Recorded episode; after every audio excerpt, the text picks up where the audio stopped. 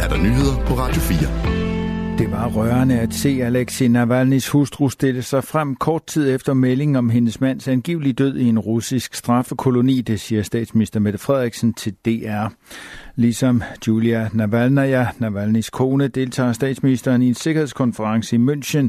Det var et meget rørende øjeblik. Det er en kvinde, som øjensynligt lige har mistet sin mand, en af de få, der er gået imod Putin og det russiske styre. At se hende grødkvalt på scenen, hvor hun fik opbakning fra mange af os andre, var et meget specielt øjeblik, siger Mette Frederiksen. Russiske fængselsmyndigheder meldte tidligere i dag ud, at Navalny er død. Det er dog ikke blevet bekræftet af hverken hans familie eller hans hold af advokater. Ifølge myndighederne blev Navalny syg under en gårdtur. Han mistede bevidstheden og døde kort tid efter, lyder det. Meldingen kommer ikke bag på statsministeren, siger hun til DR. Det er bestemt ikke overrasket over. Det er det, der er vores problem. Vi bliver ikke overrasket. Det her er endnu en brik på en spilleplade, der viser hvad og hvem vi har med at gøre, siger statsministeren. De er frustrerede i Køge Kommunes forvaltning efter en sag om krænkelser på Borup Skole. Det skriver DR 24-7, der har fået agtindsigt i en telefonsamtale mellem Henrik Leiborn, der er børne- og ungedirektør i Køge Kommune, og Styrelsen for Undervisning og Kvalitet. Frustrationen består blandt andet i, at forvaltningen oplever, at forældre står frem med påstande uden bevis, blandt andet om voldtægter gennem et år. Samtidig er forvaltningen frustreret over, at Borup Skole ikke har informeret forvaltningen tilstrækkeligt om hændelsen. Samtalen mellem styrelsen og Henrik Leiborn fandt sted den 14. februar, to dage efter, at sagen begyndte at rulle på TV2. Tidligere havde også SNDK dækket krænkelserne på Borup Skole. På baggrund af samtalen har Henrik Leiborn og Stuk aftalt en samtale i næste uge, hvor de skal gennemgå de sager, som kommunen har kendskab til, og STUK er altså Styrelsen for Undervisning og Kvalitet. Hvis man ejer en ladcykel fra Babu, er der intet andet at gøre end at afvente situationen. Ens rettigheder afhænger nemlig af, hvad myndighederne finder frem til. Sådan lyder det fra Jakob Stenstrup, der er seniorjurist i Forbrugerrådet Tænk. Meldingen kommer efter, at ladcykelproducenten Babu midlertidigt stoppede salget i går af sine ladcykler i Danmark med øjeblikkelig virkning. Det skete på grund af potentielle problemer med sikkerheden. Både Sikkerhedsstyrelsen og Forbrugerrådet Tænk anbefalede efterfølgende, at man ikke bruger ladcyklerne forløbig. På sin hjemmeside skriver Sikkerhedsstyrelsen også, at man er i gang med at indhente oplysninger fra Babu for at lave en vurdering.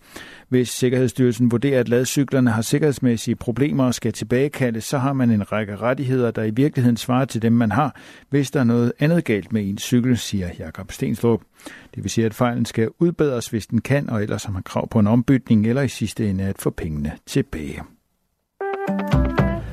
Det britiske konservative parti og premierminister Rishi Sunak har lidt to ud af to mulige valgnederlag i suppleringsvalgene i England, der fandt sted i Kingswood og Wellingborough i går. Her vandt Labours kandidat Damian Egan i stedet. Valgresultatet betyder reelt, at Rishi Sunak er færdig som premierminister og konservativ leder.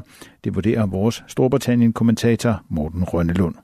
Enten ved, at en fløj i partiet simpelthen smider ham ud, selv tager magten og forsøger at redde stumperne forud for det generalvalg, der skal være i løbet af øh, det her år. Eller ved, at han taber valget stort, hvilket nok er det mest sandsynlige, og han derefter selv er nødt til at forlade posten. Han er i hvert fald færdig efter den her periode. Er det ikke Rishi Sunak, der er premierminister, og det er heller ikke ham, der er formand for de konservative. Og ind i tallene kan man se, at partiet Reform UK, der er et konservativt alternativ, har haft medvind, og det kan blive et stort problem for regeringspartiet, siger Morten Rønnelund. Og det er et problem, hvis et øh, alternativt konservativt parti får lov til at danne sig i britisk politik. Så det vil de konservative også holde øje med. Ikke bare om de taber til Labour, men også om de er med til at udvirke deres egen død ved at skabe grundlaget for et andet konservativt parti. Nederlagene betyder, at ingen regering er gået til valg på flere nederlag i suppleringsvalgene end den nuværende siden 1960. Det forventes, at der afholdes valg i Storbritannien i år. Skyde vejr med regn er til temperaturer mellem 7 og 12 grader, let til frisk vind fra syd og sydvest. I nat efterhånden mest tørt vejr, men fortsat skyde. Temperaturer ned mellem 2 og 7 grader og let til frisk vind omkring vest, der i nat drejer til nordvest eller i nord i den nordøstlige del, hvor det også klarer noget op. Det var nyhederne på Radio 4. De blev læst og redigeret af Thomas Sand. Du kan finde flere nyheder på vores hjemmeside radio4.dk eller i vores app. Der er flere nyheder igen om, 5, om 25 minutter, når klokken bliver 18.30.